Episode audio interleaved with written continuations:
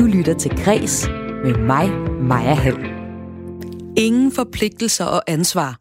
Ungdomsserien Befri dit liv skildrer en frigjort ungdom uden eksamensstress. Forfatter Stine Pilgaards hovedperson bøvler med at tale vestjysk. Sprogforsker giver her i kreds en par lører i pauser og afviser, at journalist Anders Akker er et orakel i vestjysk. En øh, lille dosis Asger Jorn, halvanden dosis med Anne Lindet. 8 ud af 10 har fået det bedre psykisk, beretter de i en ny rapport om kunst på recept. Velkommen til Kreds, hvor jeg både har en bunke nyhedshistorier med, men hvor jeg også dykker ned i Pilgårds anmelderroste bog Meter i sekundet og stiller skarp på det vestjyske. Men øh, dig, der lytter med, hvad er dit forhold til dialekter? Bruger du din dialekt, eller er du flov over den? Send mig en sms ind på 1424. I beskeden skriver du R4, laver et mellemrum og skriver din besked. Men inden vi dykker ned i det vestjyske og Stine Pilgaards nye roman, så får du lige en håndfuld kort nyt fra kulturen. Tivoli i København er hårdt ramt af coronaudbruddet. Så hårdt, at de vil fyre op mod 440 ansatte.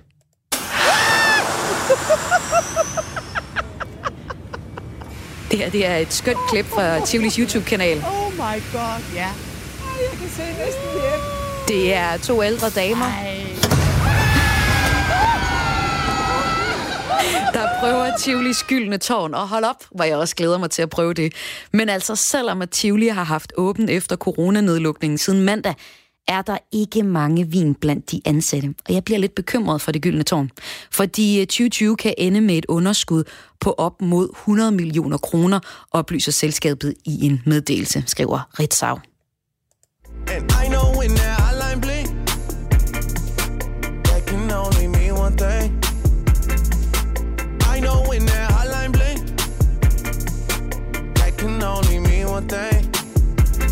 since I left the city, you. Det her, det er Drake, og øh, hans musik kunne godt komme i kategorien urban. Men vi bør helt droppe genren urban, da det er hudfarven og ikke musikken, der bestemmer, om den er urban eller urban eller ej. Det mener flere i branchen, og ifølge DR så følger Dansk Pladeselskab et amerikansk pladeselskabs eksempel og udfaser brugen af genren urban. Men øh, producer Tau Mau, han afviser at droppe genrebetegnelsen her. Altså, jeg bruger den personligt til at beskrive øh, musik, som omhandler de her øh, temaer fra gaden, der kommer fra bymiljøerne. Øh, og det er jo det, som urban ordet dækker over. Øh, jeg tager selvfølgelig afstand fra, fra racistisk brug af begreber, kan man sige. Ikke? Altså, så det er jo ikke sådan, jeg bruger begrebet. Producer Taumau mener, at problemet med at kalde noget for urban musik er et amerikansk problem, hvor der er meget mere systematisk racisme, end der er her i Danmark, siger han. I Danmark, der vil jeg sige, at der har vi ikke helt den samme øh, form for historie inden for det. Altså, der, der synes jeg måske, at min forståelse lokalt set af, af musikgenrebegrebet er mere forankret i selve musikken og hvad der bliver snakket om i musikken. Men, men øh, jeg kender masser af eksempler på øh, danske urbane artister, der er, er etnisk danske, kan man sige, og hvide i huden. Pladeselskab dropper at sende musik til Ekstrabladet. Det skyldes øh, en debat, der blev startet af kunstneren Lydmor. Måske hørte du om den. For et par uger siden så anklagede øh, hun Ekstrabladet for at have et sexistisk sprogbrug, og det er særligt til at beskrive kvinder i f.eks. anmeldelser. Efterfølgende så har debatten kørt, og øh, nu har pladeselskabet Tambourisiners besluttet sig for at stoppe med at sende musik til Ekstrabladet, fordi at de simpelthen ikke synes, det er i orden den måde, øh, Ekstrabladet har håndteret situationen. Og på deres øh, Facebook-side, der skriver de, Fornedrelsen af kvinder har ikke en skid at gøre med pressefrihed og journalistik. Øhm, sproget er det hus, vi bor i, og vi gider ikke at være i Ekstrabladets hus, skriver de. To af de hvide piller med billedkunstneren Asger Jorn og to lyserøde med metalbandet Bæst. Ved det ikke lækkert? 8 ud af 10 deltagere vurderer selv, at deres trivsel er blevet bedre i løbet af perioden, hvor de har deltaget i pilotprojektet Kultur på Recept. Det viser en ny rapport fra Sundhedsstyrelsen, skriver kultursejlet Kulturmonitor. Godt 800 har deltaget, og en fortæller for eksempel, det er jo ikke fordi, det har været en mirakelkur. Der er stadig dage, hvor jeg bare er derhjemme, og der stadig bare er det gamle mønster. Men der er de her små afbræk i løbet af ugen, og det er et kæmpe skridt for mig. En anden skriver, Særligt Asger Jorns synspunkter på tingene har givet mig meget. Alt behøver ikke være pænt. Noget må gerne være, som det er. Kultur på recept har været tilbudt øh, borgere med angst, stress og lidt til moderat depression. Og på programmet har de blandt andet haft øh, for eksempel fællessang, guided højtlæsning, tegneøvelser, kulturhistoriske byvandring, koncerter, teater og museumsbesøg.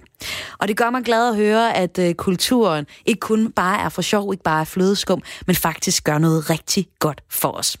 Den næste time, der får du en masse kulturvitaminer her i Kreds, og øh, vi starter med en super sjov roman om vestjydernes dejlige pauser og formelthed. For øh, du lytter til Græs. Ja, det gør du rigtig nok. Og nu skal det handle om pauserne, og jeg er vildt dårlig til dem, men de er rigtig gode til dem i Vestjylland. Og øh, hovedpersonen i Stine Pilgaards nye roman Meter i sekundet bøvler også med dem, da hun flytter fra Aarhus til Vestjylland. Og øh, så fylder hun i øvrigt også alt for meget og kommer til at tale om sex og personlige ting, som vestjyderne synes er ret kikset. Hvad er dit forhold til dialekt? Bruger du den? Er du flov over den? Skriv ind på 1424. I beskeden skriver du R4, laver et mellemrum og skriver din besked. Der er en, der skriver ind på sms'en. Jeg bruger åbenbart også min fynste, fynske dialekt, når jeg snakker engelsk. Fik at vide under mit ophold i udlandet, at jeg synger, når jeg snakker. Og det var en ret sjov øh, eksempel. Men hvad med dig derude? Hvordan har du det med din øh, dialekt? Bruger du den, eller er du flov over den? Send mig en sms på 1424. Skriv R4, lav et mellemrum, og skriv din besked. Hovedpersonens øh, redning i øh, den her bog, meter i sekund, øh, 100 meter i sekundet, det er, øhm, eller meter i sekundet hedder bogen. Det er journalisten Anders Akker, som, hun, som er en rigtig øh, journalist i virkeligheden. Og øh, hovedpersonen her, hun stalker ham indtil, at han indvilger i at agere hendes sproglærer. Og øh, udover det, så er der også hendes job som orakel på den lokale avis, der redder hovedpersonen i øh, det er åbenbart er lidt hårdt for hende at komme fra, ja, kun fra Aarhus og så til Vestjylland. Men det fortæller forfatter Stine Pilgaard her om i et interview til forlaget Gudkendt. Min nye roman, Meter i sekundet, handler om en fortæller, øh, en kvindelig fortæller først i 30'erne, der flytter til Vestjylland, fordi hendes kæreste får job på en højskole. Og hun kommer så ligesom med som påhæng, kan man sige. Og romanen handler meget om, at hun nok skal finde ud af øh, både, hvorfor hun er der, og også egentlig lidt, om hun skal blive der og, og finde sin plads der på en eller anden måde. Det kommer til at hjælpe hende meget, at hun får en, øh, et job som brevkasseredaktør øh, på Ringkøbing Skjern Dagblad, hvor hun på en eller anden måde skal agere orakel, og så på den måde øh, kommer sådan lidt nærmere ind på, på mange af de lokale.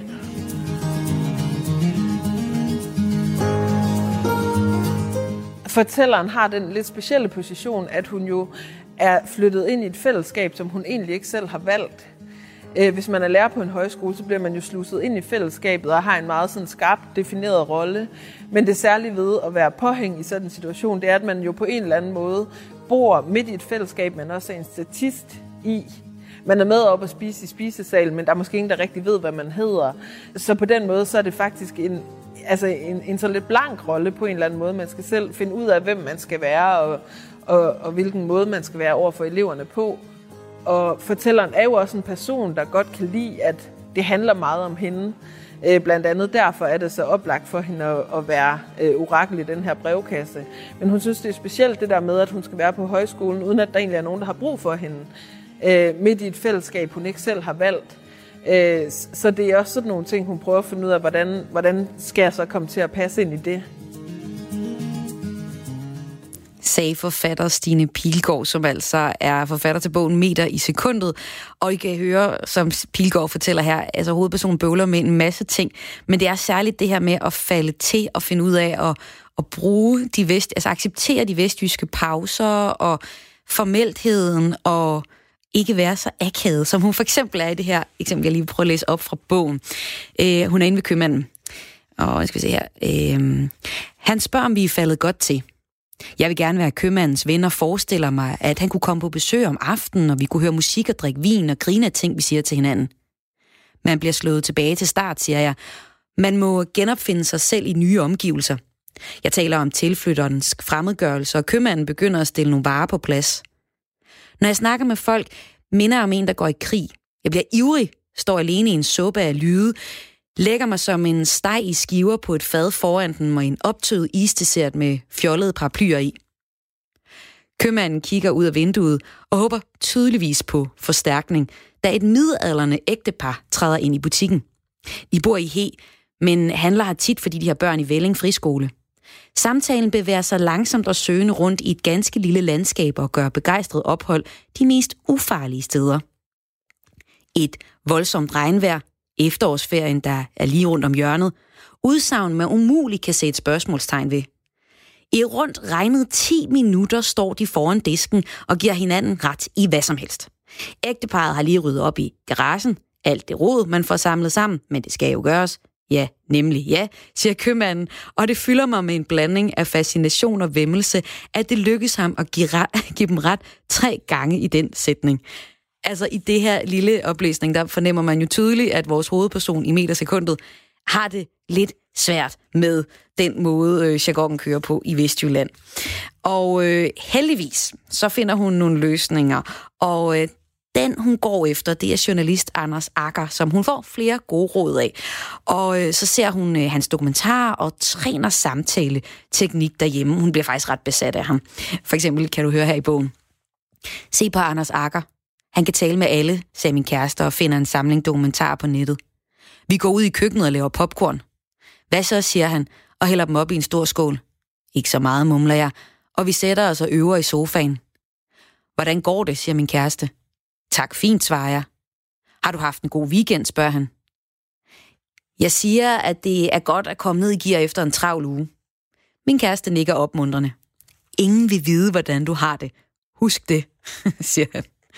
Senere i programmet så taler jeg med sprogforsker Michael Ejstrup om øh, Stine Pilgaards bog og sproget i Vestjylland. Og han mener altså, det er helt forkert, at hovedpersonen i, øh, i Stine Pilgaards bog er helt vild med Anders Akker og har valgt øh, ham som en sprog, sprogguru, fordi han kan slet ikke det helt rigtige. Et af de steder, hvor hovedkarakteren også har det lidt svært med samtalerne, det er, når hun tager køretimer. Det fortæller Stine Pilgaard her.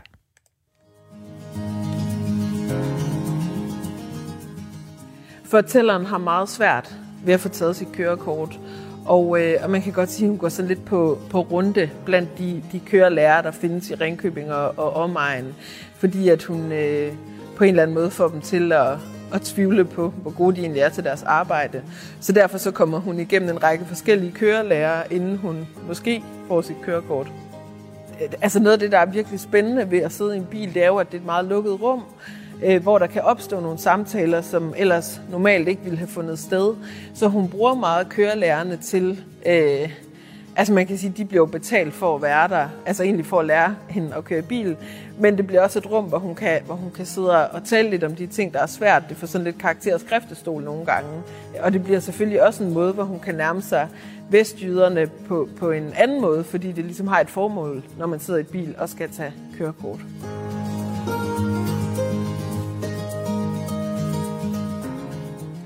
Noget af det, der for, forvirrer fortælleren mest, det er det her med, at, øh, at hvornår er man venner.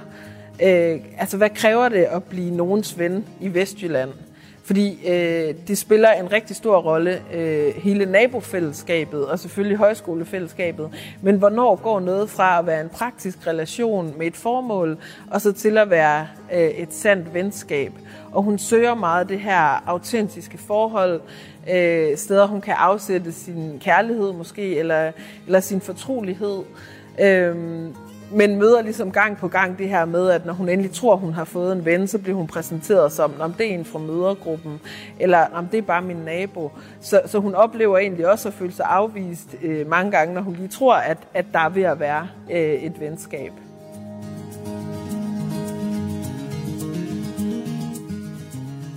For mig har det været et rigtig fint univers at være i. Altså noget af det fantastiske ved at at skrive fiktion, det er jo, at, at man på en eller anden måde selv kan bestemme, hvem der skal være med i den. Og jeg synes, det har været rigtig, rigtig sjovt at lære de her karakterer at kende, og et rigtig dejligt rum at gå ind i. Ja, jeg synes, det har været enormt underholdende, og så har jeg jo også på samme tid øh, prøvet at, at undersøge lidt om det her, da jeg selv kom til, som tilflytter til Vestjylland. Prøv, prøv sådan ligesom at finde et sprog for, hvad det var, der var så specielt ved det øh, og, og prøve at forstå også det, det område, jeg var flyttet ind i. Jeg har brugt øh, mange af sådan de fysiske rammer i mit eget liv, altså blandt andet naturen, øh, har jeg ligesom opdaget efter 36 år. Og det, det har på en eller anden måde skrevet ind i teksterne som, som en, en slags kulisse, øh, og især, især er teksten fuld af vindmøller, uden det egentlig har været så tilsigtet. Men det er bare som om, at mange af de sådan, ting, der har omgivet mig, er trængt lidt ind i bogen. Selvom at, øh, at karaktererne selvfølgelig er, er fiktive, så, øh, så har der været meget, altså det har, det har været meget en måde at finde på plads på for mig. Og jeg håber jo, at øh, der er nogen, der har lyst til at læse den, og at de vil øh, altså på en eller anden måde også have det, have det sjovt i det univers. Og øh, det ved jeg ikke, måske føler, at de kommer på en lille tur til Vestjylland, og at, øh, at de får lyst til at blive der et stykke tid øh, sammen med mig. Øh, og øh, ja, og, og synes, at det er et dejligt sted. Stine Pilgaards bog Meter i sekundet består af historien om hovedpersonen. Der er også øh, hovedpersonens brevkasse, og så er der en række højskolesange. Og øh, den sang, der hedder Fortabt er jeg stadig, kommer til at indgå i den 19. udgave af Højskolesangbogen. Og den har vi fået lov til at spille her i Kreds, og det kan du høre senere i programmet. Senere i programmet, der øh, dykker jeg også lidt mere ned i det her vestjyske, og jeg kunne godt tænke mig at høre dig, der lytter med, hvordan du har det, ikke bare med vestjysk, men med din egen dialekt for eksempel. Altså, jeg har ligesom taget mit nordjyske tilbage igen, efter jeg i en årrække var øh, nyhedsvært i en regional øh, radiostation i hovedstaden. Der var jeg, der barberede jeg alle mine, eller noget af det væk i hvert fald, og øh, nu synes jeg, nu synes jeg godt, der må være plads til mit nordjyske. Men hvad synes du? Skriv ind på sms'en 1424. I beskeden skriver du R4, laver et mellemrum og skriver din besked. Og øh, nu skal vi høre et øh, nyt nummer, der oprindeligt blev skrevet som et øh, Bond-tema for Live and Let Die tilbage i 73. Så man kan sige, det er et gammelt nummer i nye klæder. Og helt nyt er det faktisk ikke, for det udkom i november. Men jeg hørte det først for nylig i programmet Debut på B6 Beat. Og jeg synes på den ene side, at det er lidt irriterende, særligt når vokalen bliver sådan en øh, øh 60'er Elvis-agtig. Men øh, melodien på omkvædet, det giver mig lyst til at danse til den her fuldstændig bekymringsfrie, utrolig enkle tekst om at nyde festen. For eksempel synger de her, øh, I'll pay the price for this in the morning, but for now, let me strut my stuff. Det kommer her. Lazarus Kane, Nightwalking. But For now, let me strut my stuff. I can see the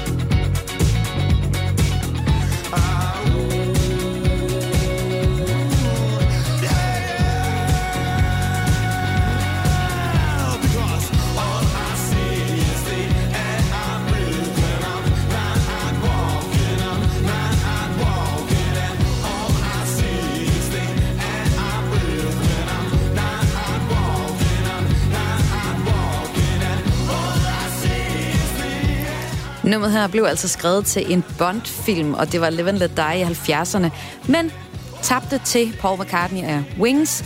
På øh, Spotify, der står der, at Lazarus Kane, som er solisten på program, eller på nummeret her, faktisk skrev nummeret til filmen Saturday Night Fever, men sendte det til det forkerte studie.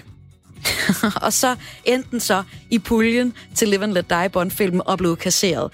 Men ikke glemt, og nu i en meget moderne version, en 2020-version, er det altså her, at det, det er jo faktisk bare ret rart, det her stykke musik.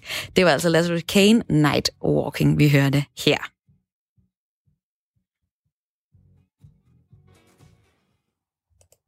Jeg har valgt fra alle former for økonomisk pres. Hver, altså, jeg har ikke nogen regninger.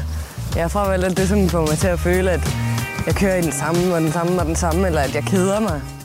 Julia er 22 år, hun er tatovør og bor noget af året på Samsø, hvor hun arbejder som sæsonarbejder for at tjene penge, til i år at rejse til Thailand. Hun lever et liv uden for, ja, man kan sige, det etablerede samfund. Jeg tror, jeg skulle sidde på en computer hver dag fra, fra 9 til 5, så var der nok på et tidspunkt, hvor jeg bare smed kaffen ned på gulvet og sagde, kraftede med nok. Og så er det hjemme. jeg ved sgu det tror jeg ikke, jeg kunne. Altså, det tror jeg aldrig ville sige ja til. Det er for monotont for mig, og det er for alvorligt og for upersonligt. Julie og hendes kæreste er hovedpersonerne i TV2 Østjyllands nye dokumentarserie Befri dit liv. Og den øh, adskiller sig både fra de historier, vi ofte hører om stressede unge på ungdomsuddannelser, og så egentlig også fra det, vi klassisk kender fra de regionale kanaler, der særligt er båret af regionale nyheder til en voksen målgruppe. Men altså, befri dit liv, den går tæt på ungdomskulturen blandt Julie og vennerne, og vi hører både om opturene. Øh, I går så vågnede vi efter vores øh, svampetur og casinotur i godt humør. Så tog vi ned på Dalle Valle og spiste brunch. Og jeg har lige stoppet med at spise svinekød. Du spiser frikadeller, Valle. Du spiser frikadeller. Er det svin? Og så tog vi i byen, og så mødte vi nogen fra Silkeborg af, og så havde de fucking DMT. Så det, det var sådan en mega weird øh, oplevelse. Så lå vi være med at sove. Og jeg skal møde på arbejde klokken 5. Men Befri dit liv skildrer også helt særligt de her nedture, som vennerne og Julie møder i deres ungdomsliv, hvor Julie bor omkring, rundt omkring hos øh, familier og venner på deres sofaer. Jeg er træt, og jeg er sur, og jeg er sulten. Er du en tur citron? Ja, Hvorfor? fordi vi skal have mad rengøringsdag i dag. Ej. Jo, det skal du. Ja, men det tager ikke så lang tid. Vi har haft en lidt uh, træls dag. Jeg er meget uvenner. Men fordi vi er i andre folks hjem, så vil jeg gerne have det sådan rimelig okay. Mange er så ligeglade. Helt så ligeglade. Anders Madsen, du har filmet og klippet Befri dit vildt liv. Velkommen til. Ja, tak. Hvad er det for en historie, I gerne vil fortælle med Befri dit liv?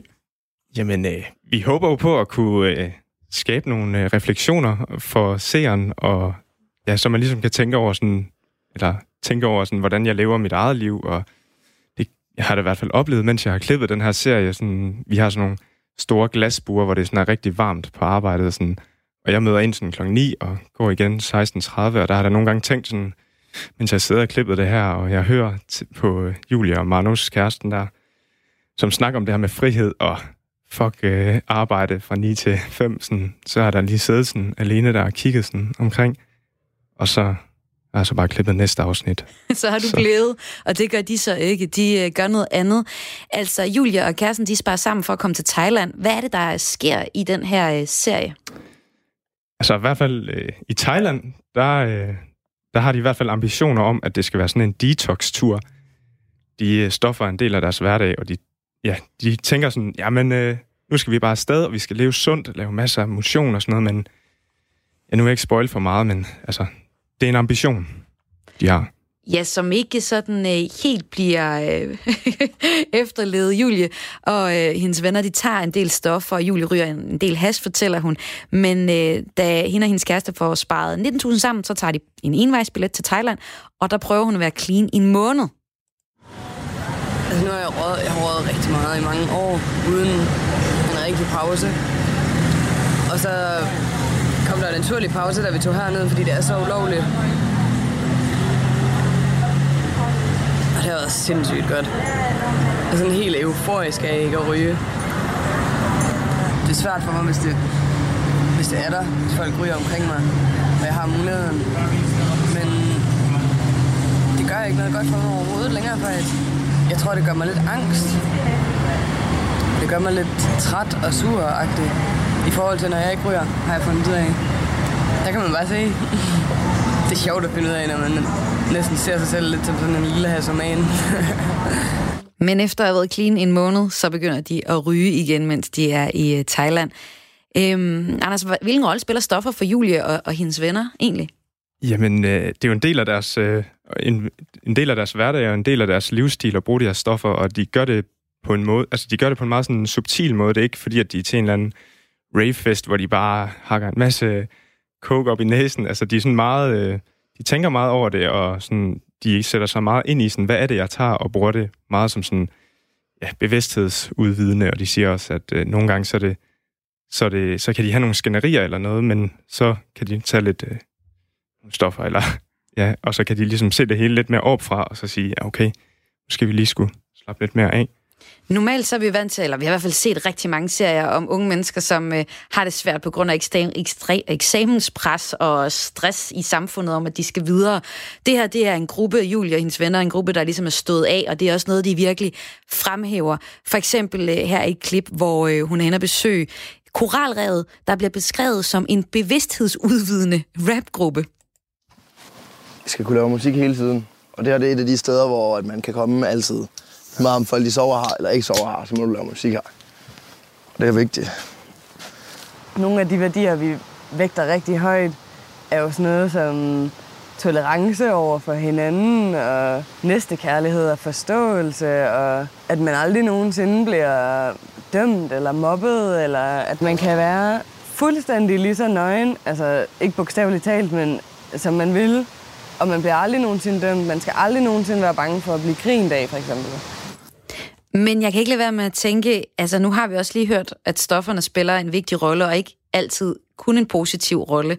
For vi hører Julie sige øh, tidligere i klippet, at hun har det helt vildt godt ved ikke at tage, ikke at ryge hash og ja, og så gør hun det alligevel, og det lyder jo også, som om hun har nogle problemer i forhold til det. Så hvordan adskiller Julie og hendes kæreste og venner sig liv egentlig fra de problematikker, som andre unge, der måske øh, vælger uddannelse? Altså, de står jo også med nogle problemer her. Ja, altså man kan sige, de er jo ret anderledes i forhold til de sådan normale unge, eller hvad skal man sige, de har jo ikke nogen fast øh, adresse, eller en, øh, de har aldrig fået SU, og de lever sådan lidt under radaren, og det er også en del, altså det er også der, derfor, vi lavede den her serie, fordi jeg fik at vide af min chef, sådan, at vi skal serving the underserved, og det er nogle mennesker, som ikke kommer til ord så meget i medierne, ikke bruger medier ret meget, eller sådan går i former og skriver deres meninger og holdninger og sådan noget, så derfor er det et meget unikt sådan, indblik i en subkultur, man ikke hører så meget om til daglig. Og nu kommer den jo så ud simpelthen her på øh, lørdag, hvor øh, de første to afsnit af den her serie, som bliver sendt på YouTube, i sådan 10 minutters øh, bider, sådan syv afsnit øh, herhen over forsommeren. Hvad håber I på, at øh, publikum, som jeg gætter på, at unge mennesker skal få ud af at se øh, nogen tage en masse stoffer og tage til Thailand øh, under coronakrisen? Ja, vi håber da selvfølgelig på, at ja, som jeg har startet med at sige, at man reflekterer over sit eget liv, og måske sådan kan se, at der, der er alternativer, der er alternative måder at leve sit liv på, at man, man ikke bare stoffer. skal... Ja, for eksempel. sikke sikke en øh, opfordring, I giver her. Anders Madsen, tak fordi du var med. Du har filmet og klippet Befri dit liv, som vi altså kan se på YouTube og TV2 Østjylland fra lørdag, hvor afsnit 1 og 2 kommer ud. Du lytter til Græs med mig, Maja Hall. Og i dag stiller jeg skarp på øh, Stine Pilgaards bogudgiv- bogudgivelse Meter i sekundet, som blandt andet handler om øh, hendes møde med den vestjyske samtalekultur og alle de pauser i sproget, som hun ikke forstår. Det er der til gengæld en anden, som ved rigtig meget om. Det er sprogforsker Michael Ejstrup. Velkommen til. Tusind tak skal du have. Du er sprogforsker, og så har du lovet os at hjælpe os til at forstå nogle af de ting, som øh, sådan rent sprogligt vores hovedperson her i Stine Pilgaards øh, bog øh, oplever af udfordringer. Man kan sige, en vestjysk parlør skal vi prøve at lave, Michael. Ja, den kan jo godt blive lidt lang, jo, men vi skal da prøve at gøre så godt vi kan. Og du er selv fra øh, Vestjylland, ikke? Ja, det kan du høre, når jeg snakker vestjysk, jo. det fortsætter du bare med. Det gør. i Stine Pilgaards bog har svært ved pauserne. Hvordan skal vi Ja. forstå pauserne ud fra sprogvidenskaben? Der er det ved pauser til det indeholder lige så meget som der, hvor vi siger noget. Det er jo samtidig, at vi bare forsker i det, hvor vi siger ord og lyde, men indimellem så skal vi også forske i, hvordan er det, til vi holder pauser. Det er noget, en ved ret meget om, når en er retoriker, fordi det er nemlig rigtig vigtigt, hvor meget pauserne holder, inden en siger noget. Øh, og i Vestjylland, der holder vi pauser, som har ret stor betydning. Jeg tror faktisk, de betyder lige så meget som det, vi ser. En anden ting, som hovedpersonen finder svært, det er så smalltalken. Øh, her er der for eksempel det her eksempel fra bogen, som jeg lige prøver at læse op. Når jeg snakker med folk, minder jeg om en, der går i krig. Jeg bliver ivrig, står alene i en suppe af lyde, lægger mig som en steg og i skiver på et fad foran dem. En optøet isdessert med fjollede paraplyer i. Købmanden kigger ud af vinduet og håber tydeligvis på forstærkning, da et midalderne ægtepar træder ind i butikken. De bor i He, men handler her tit, fordi de har børn i Velling Friskole.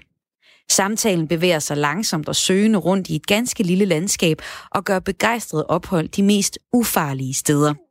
Et voldsomt regnvejr, efterårsferien, der er lige rundt om hjørnet, udsagn, man umuligt kan sætte spørgsmålstegn ved. I rundt regnet 10 minutter står de foran disken og giver hinanden ret i hvad som helst. Altså Michael Ejstrup, hvilken funktion har øh, smalltalken i samtalen? Tydeligvis ikke noget, som vores hovedperson her bryder sig om. Nej, og nu laver jeg lidt om ved sprog, fordi vi er jo i en Aarhus Radio, og samtidig så er det sådan, så folk fra Aarhus, de ret forstår, hvad vi sagde i Vestjylland, så jeg laver lidt om ved det. Men I skal ved til folk, der bor i Velling, og dem, der bor i Hække, det hedder ikke He, det hedder Hække, ja. og dem, der bor der, de, de er lidt forskellige. Øh, Der er jo en hovedvej 15, der går lige mødt imellem, og den skiller lidt ud. Øh, det, der er ved det, det er et small talk. Det øh, vil øh, nogle vestjyder gerne have. Det er sådan en måde at komme ind på hinanden på, hvor vi snakker om ting, som folk, der ikke er vestjyder, kan synes er ligegyldige eller irriterende, eller faktisk lige, ja, de, de skal ikke være der. Men det skal de i Vestjylland, for det er en måde at anerkende hinanden på. Det er en måde, vi er sammen på, hvor vi fylder det tomme, rumme ud, tomme rum ud, og øh, ligesom anerkender hinanden. Og der er jo stammedanse, man skal opføre i alle kulturer. Og i? Vestjylland, ja, altså hvis man sådan kigger på naturlige folk, så har de jo stammedanse. Øh, hvordan skal man øh, træde? Hvordan skal man tale? Hvordan skal man se ud? Skal man have fjer på? Skal man have tøj på? Skal man have langt hår? Skal man, hvad skal man? Og det er en del af ritualer. Og det her, det er en del af en vestjysk øh, rituel stammedans. Altså, hvor man simpelthen skal snakke om ikke noget. Ja, fordi så snakker vi os ind på hinanden, Ja. og så anerkender vi hinanden som deltagere af værdig, værdighed i den her samtale og i det her fællesskab. Du er her, jeg anerkender dig, jeg kan øh, forstå dig, mm. øh, du må gerne være en del af vores fællesskab. Mm. Det er ligesom det er i mange. Og det er bare forskelligt, hvordan man gør det. Og højderyggen har jo skilt Vestjylland fra resten af Danmark i vældig voldsom grad, fordi vi havde det der store hedeområde, sådan cirka for lidt vest for Ringkøbing og helt til Silkeborg. Øh, og det var et fuldstændig umuligt område at bevæge sig hen over. Så når man skulle noget, så sejlede man. Så vestjyder, de har haft kontakt til England, til friserne, til hollænderne og hele det område dernede. Mens resten af Danmark mere har orienteret sig mod øst. Men det har vestjyderne ikke. Så derfor er der blevet nogle forskelle, og de forskelle, de lever ganske fint. Og Michael Ejstrup, øh, du er sprogforsker, og vi er i gang med at lige prøve at lave en lille parlør over øh, det vestjyske. Fordi det er noget, det øh, vores hovedperson i bogen Meter i sekundet med Stine Pilgaard bøvler rigtig meget med. Og noget af Ja. det, øh, hovedpersonen også finder svært, det er, at der ikke nødvendigvis skal være en masse følelser involveret i samtalen. Det ligger sig nok lidt op i den her small talk, som sådan ikke skal ja. have, gå for dybt. Er det egentlig typisk for, for vestjysk kultur, at der ikke skal være så mange følelser i? Fordi nu taler jeg som nordjyder, og kan godt genkende det. Ej, jeg, jeg tror altså også, at der er nordjyderne og vestjyderne på linje med hinanden med, at det der med følelser, det er sådan lidt no-go. Altså, der er jo i alle samfund nogle goes og nogle no-goes. Og følelser, det er ikke noget vestjyder udtrykker med konkrete, bestandte ord øh, i meget høj grad. Det er noget, man kommer ind på på nogle meget lempeligere måder, og hvor pauserne også jævnligt kan udfylde det, man godt kunne have sagt, men som man ikke sagde. Men som en vestjysk indfødt vil jeg vide, hvad det var for en følelse, vi ikke måtte nævne her. Okay. Øh, Og derfor så, så er det jo sådan set blevet nævnt alligevel. Hvordan det? Jamen, det er fordi, at man jo tilegner sig en speciel form at omgås, at omgås hinanden på. Og nogle samfund, der må man gerne sætte store ord på, at jeg er enormt meget ked af, og jeg føler mig enormt krænket, når du siger, eller jeg føler mig enormt krænket, når de ikke vil. Det siger vestjyder ikke. Det er ligesom ikke en del af vores kultur. Vi øh, lader måske bare være med at kommentere på noget, og måske vender vi blikket væk og vender ryggen til, og det betyder det samme. Og jeg kan ikke lade være med at drage øh, coronakrisen ind i den her snak, fordi vi har talt om, at, øh, at i før corona, så var det de ekstrovertes tid, og øh, under corona, så Ja. var det de introvertes tid. Og det, du beskriver her, er jo en lidt en introvert øh, måde at agere på. Så bliver det måske egentlig Ja, det er jeg nu nemmere. ikke helt enig i, fordi Nej, når okay. du, jeg er ikke helt sikker på, at jeg giver dig ret i det, fordi øh, den er ikke så introvert, fordi når man nu er indvidet i, hvordan den her måde at sige noget på, smalltalke mm, på, og lade være med at sige noget på på bestemte tidspunkter, det er faktisk lige så udtryksfuldt, bare på en anden måde. Okay. Det er en anden kode, man skal knække for, hvornår det er, man siger hvad, og hvornår det er, man siger noget med pauser. Så, du kan, så vi kan ikke sige, at, at her efter coronaen, så, så får os vest- og, og nordjyder det lidt nemmere ved at tale med københavner, som Nej. nemlig synes, det er over mega sindssygt Nej. fedt alting. Ja, men, men det er de jo helt brændt inde med, og det er de ikke rigtig kunne komme af med, så nu skal du bare se, når de kommer ud igen, så flipper de fuldstændig, og så bliver der endnu større afstand, for så tænker vi, nej, nej, nej, det er for galt det der, det går ikke. Michael Ejstrup, Så, så de er altså ikke sikre på, Michael Ejstrup, vi skal også lige høre dig her til sidst. Øhm, hovedpersonen i Stine Pilgaards øh, roman, hun er vild med Anders Akker. Og øh, det er hun, ja. Fordi at Anders Akker også er fra Vestjylland, og hun synes virkelig, at den her nej, journalist, det er han ikke. der bor i Vestjylland, Han, han bor i Vestjylland, men han er ikke derfra. Og han, øh, men, men hun synes i hvert fald, at han er enormt god til det med sproget, og bruger faktisk ham som øh, sin øh, sprogforsker. Er det. Ja. en god idé, hun har gang i der? Jamen, jeg tror, han er god til at sætte sig ind i den her kode, der er i Vestjylland. Den har han lært. Han er kommet dertil, og han har kigget godt efter, og så har han tilegnet sig, hvordan det foregår. For han er god til at, han er god til at interviewe dem, og han er god til at være imellem dem. Øh, jeg kan blandt andet huske nogle af de udsendelser, hvor han har øh, han- besøger et hospice i Hvide Sande. Øh, Og der synes jeg faktisk, at han er dygtig til at være stille sammen med dem. Han er stille så lang tid, så pausen får lov til at fylde lidt en skal. Og så får de her vestjyder lyst til at fortælle lidt mere, fordi nu fik vi sagt det, vi skulle sige med pausen. Vi anerkender dig, vi anerkender hinanden, vi anerkender, hvad stillheden fortæller. Nu vil jeg godt sige noget mere. Det kan han finde ud af, og det øh, gør, at han får et øh, forholdsvis let liv mellem Men- vestjyder. Men er han et øh, vestjysk øh, orakel i... Øh, eller hvad? Nej, det tror jeg ikke. Nej, fordi jeg kan stadigvæk sagtens mærke på ham, at han kommer fra den østre side af land. Sådan. Tak fordi du var med her, sprogforsker Michael Ejstrup, som selv er gang med øh, forskningsprojektet, som man siger, der netop går ud på at se, hvordan vores øh, dialekter, eller hvad vores dialekter betyder for os rundt i landet. Tak fordi du var med her. Man skal huske at sige som, man skal huske at trykke, som man siger ud i et ord, punktum nu. Så kommer man ind og får lov til at afgive sit eget bidrag, og det vil vi rigtig gerne høre. Så ind på www, som man siger, punktum nu, og giv dit bidrag. Og det må også godt være en pause. Det er modtaget. Tak fordi du var med her, Michael Ejstrup. Ja, selv tak. Du har en god dag. Breaking. Så mange penge kan du få. Manden utro. Nu har hun fået nok. Kendt nyhedsvært er tilbage på tv. Alle de her udskrift, udråbstegns overskrifter, sådan øh, lød de på BT.dk, da jeg tjekkede for lidt siden.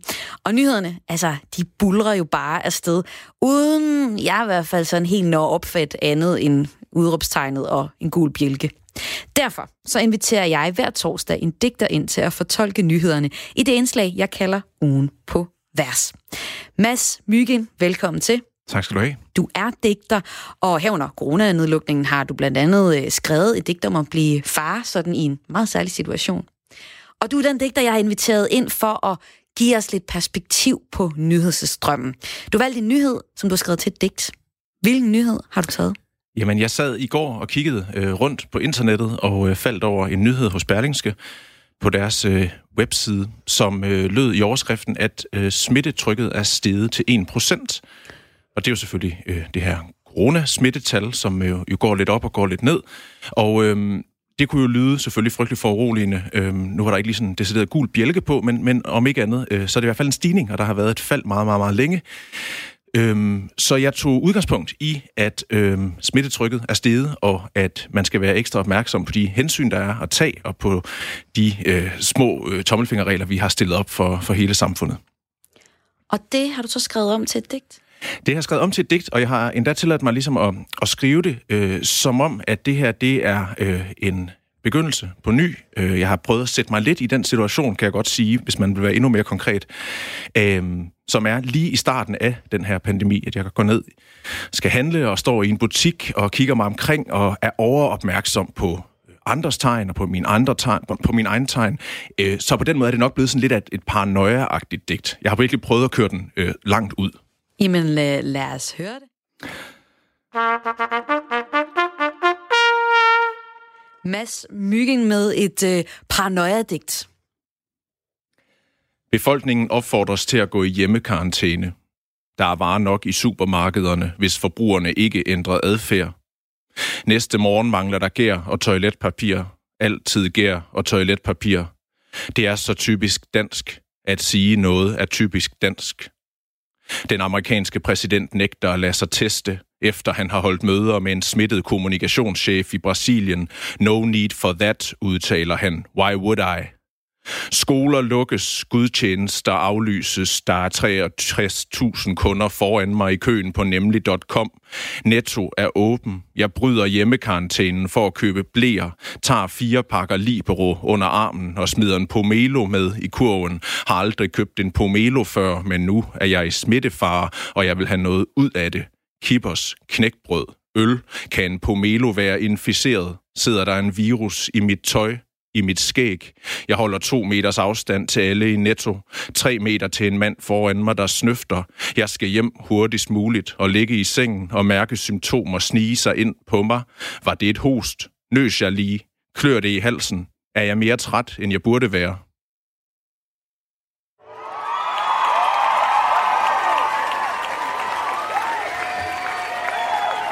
Tak skal du have. Mads Mygging her i ugen på vers, hvor du omsatte en nyhedshistorie til et super meget paranoia. Det jeg kunne genkende alt det der, altså med Meloen, som man lige pludselig står med en vare i supermarkedet og tænker, kan, altså, kan der være noget særligt med den her? Kan den have en eller anden særlig udgave af corona? Mm.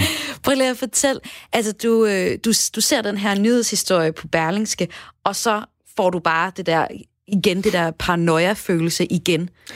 Ja, altså øh, jeg, jeg tror, da jeg så læste øh, mig igennem artiklen, så er det jo ikke fordi, at der er sket et eller andet fuldstændig vanvittigt, som jeg nu kan afsløre, at, øh, at det hele ligesom bliver lukket ned igen. Men øh, alene synet af, at nu stiger det, nu er vi op på 1%, så skal jeg ærligt indrømme, jeg aner ikke, hvor vi var før, om vi var på øh, 0,999 og er steget ekstremt lidt eller ej.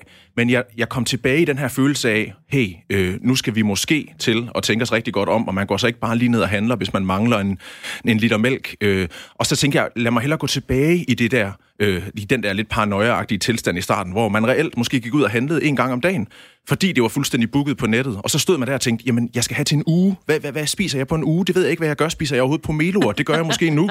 Den ligger i hvert fald lige der på tilbud, så lad mig købe den. Ja. Og så videre, og så videre. Altså de der, sådan, den der overopmærksomhed på alt omkring en. Det, man gør, det de andre gør, hvem der snøfter, og hvor lang køen er, og hvor meget afstand, og sådan. Den der vilde paranoia, synes jeg var, var ret spændende ligesom at prøve at gå tilbage i. Ja, Ja, og jeg, altså, jeg oplever den også, når jeg ser, altså de der, nemlig det der med, at man ser en eller anden breaking-overskrift, øh, ikke, hvor man så ser, åh, oh, noget, noget stiger, så er man sådan, oh, nej, nu lukker det hele igen, satans, nu kan jeg ikke, åh, oh, ja. Man får hele den der øv-følelse, og åh oh, nej-følelse. Men Mads Myggen, prøv lige at fortælle ellers, hvordan arbejder du ellers som digter? Nu har jeg jo tvunget dig ud i at tage en nyhedshistorie og lave den til poesi, men gør du overhovedet dig i det? Altså, jeg tror altid, jeg har det sådan, at når jeg bliver øh, bestilt til noget, uanset om det er til medier, eller om det er til et kunstprojekt, eller et eller andet, så kan jeg godt lige umiddelbart tænke, ah, det er det modsatte af at skrive et digt, det kan jeg ikke. Det er en bestilling. Øh, har de misforstået, hvordan det hænger sammen? Øh, det er jo slet ikke sådan, det er. Jeg skal have total frihed og uendelig tid, og jeg sender noget til et forlag, når jeg er klar. Og så snart den lille panik ligesom øh, er overstået, og jeg lige sådan har dysset øh, min drama queen ned, øh, så øh, kan jeg godt fornemme, at det er egentlig en meget god mulighed for at få skrevet noget, man ikke lige nødvendigvis ville gå og bruge mange år på at skrive og skrive og skrive og redigere. Øh, så det der med faktisk at få stillet øh, en pistol for tændingen en gang imellem, kan være ret godt for mig. Fordi så bliver der skrevet noget, og det bliver rundet af, og det bliver ligesom sendt ud. Og i dag jo her i, i radioen, men, men det kan jo også være til et teaterstykke, eller til et tidsskrift, eller hvad end det er. Så, så jeg kan egentlig godt lide det, men jeg skal altid, tror jeg, lige sådan øh, bruge et par minutter på at tænke, ah, hvad er det, jeg har sagt ja til? Og det er egentlig meget fælles, øh, når jeg rækker ud efter jer øh, poeter. Så hvis jeg tager i genren poetry slammer, så er de bare, yes, det er cool, to minutter, ingen problemer, vi tager en nyhed, bum, bum, bum. Og med det samme, det er jer, der arbejder særligt på skrift med det, så er I meget mere sådan, oh, kan man det? Tør vi det?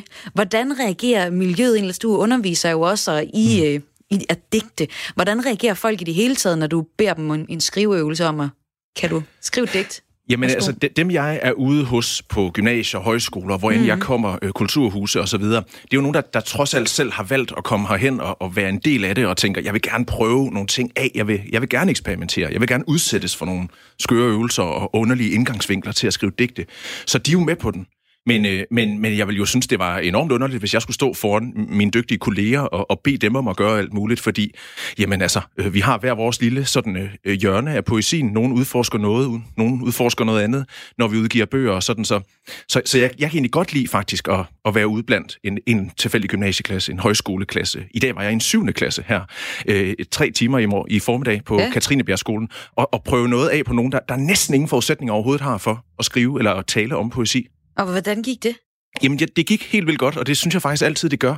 Øhm, fordi det handler jo selvfølgelig bare om, hvad jeg kommer med af indstilling. Kommer jeg til en skrivelinje på en højskole, hvor folk er 22 og meget sporet ind på poesien, så er det jo en måde, jeg underviser på. Jeg har også på universitetet en gang imellem. Det er en anden måde. Det her, det er jo øh, en helt anden pædagogisk opgave, hvor det handler om øh, at få dem til at stille en masse dumme spørgsmål, øh, som måske ikke er dumme, eller det er de måske faktisk dumme. Men det er godt at få stillet dem. Altså, så kan man få afklaret nogle ting. Jeg kan blive ved med at få defineret, hvad er det nu, poesi er? Hvad fanden er det der? Det er jo ikke en eksakt videnskab på den måde. Altså, det er ikke en udregning af nogle tal. Så, så jeg er med til, sammen med dem, at prøve at finde ud af, hvad er det egentlig, et digt er, og hvad kan det handle om, og hvordan kan det lyde? Og accepterede de det? Fordi at nogle gange, så kan digte for, øh, for udefra kommende være sådan komplekse. Altså, det, det er sådan noget, man skal låse op. Noget med nogle verser, nogle versefødder og noget, ikke? Sådan er der nemlig mange, der har det, og sådan bliver man tit undervist i det. Øh, så meget af det, jeg gør, det er ikke, at vi skal sidde og lede efter øh, temaer eller skjulte budskaber. Vi skal sidde og læse mellem linjerne. Vi læser linjerne først og fremmest, og vi læser dem op sammen. Altså vi hører digtet, vi lytter til det, og så kigger vi på det og taler om, hvordan det ser ud, og, og derfra angriber vi ligesom det, øh, det egentlige digt derinde. Øh, men, men digtet er ikke først og fremmest et budskab eller et tema. Digtet er lige så meget en måde, som det lyder på og ser ud på. Så det, det er et godt sted at starte. Lad os opleve digtet, før vi skal forstå og fortolke og analysere det. Og her er med at det givet videre, og tak fordi du var med her, Mads Myggen, digter og altså gæsten i ugen på vers her i Kreds. Kreds er ved at nå sin øh, afslutning, men vi skal høre et uh, nummer. Et ganske særligt nummer, som er kommet i højskolesangbogen. Og det kommer fra Stine Pilgaards bog Meter i sekundet. Jeg har i programmet talt om, øh, hvordan bogen handler om at flytte til Vestjylland og have svært ved lige at finde ud af, hvordan man taler med vestjyder, også selvom man kommer fra Aarhus, som øh, hovedpersonen i Stine Pilgaards bog gør. I den her bog, der er der så også en, øh, sådan en, øh, en, en, en klummer, hun skriver, hun skriver en brevkasse, og så er der også ni sange. Og øh, dem er Nej, dem har Stine Pilgaard skrevet teksten til, og den sang, der hedder Fortabt er jeg stadig, den udkommer faktisk og kommer til at indgå i øh, den 19. udgave af Højskolesangbogen. Vi har her på Græs fået lov til at spille den. Den er komponeret af Katrine Muff Enevoldsen, der både spiller og synger her.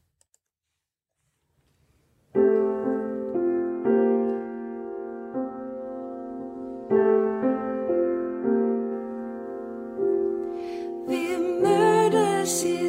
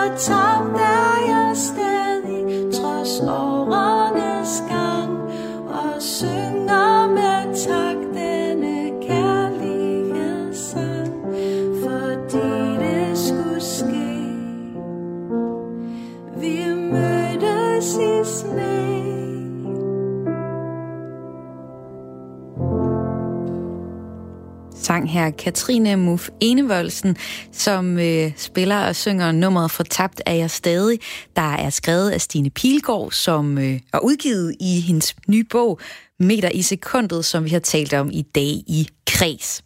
Programmet her er tilrettelagt af Lene Grønborg Poulsen og mig. Jeg hedder Maja Hall, og øh, jeg er tilbage igen i morgen med en omgang fredagskreds. Her har jeg tre kulturpersonligheder inde til at vende ugen, der gik. Efter udsendelsen, så kan du finde hele programmet som podcast på vores hjemmeside, i vores app, eller der, hvor du normalt hører podcast på din telefon. Og hvis det for eksempel er iTunes, så tøv ikke med at give os en anmeldelse, så kan vi blive bedre til det, vi laver. Du kan også altid sende os en mail til kreds radio4.dk, og det er k r a i s radio4.dk. Nu er der et nyhedsoverblik, og derefter så skal du høre Stream and Chill.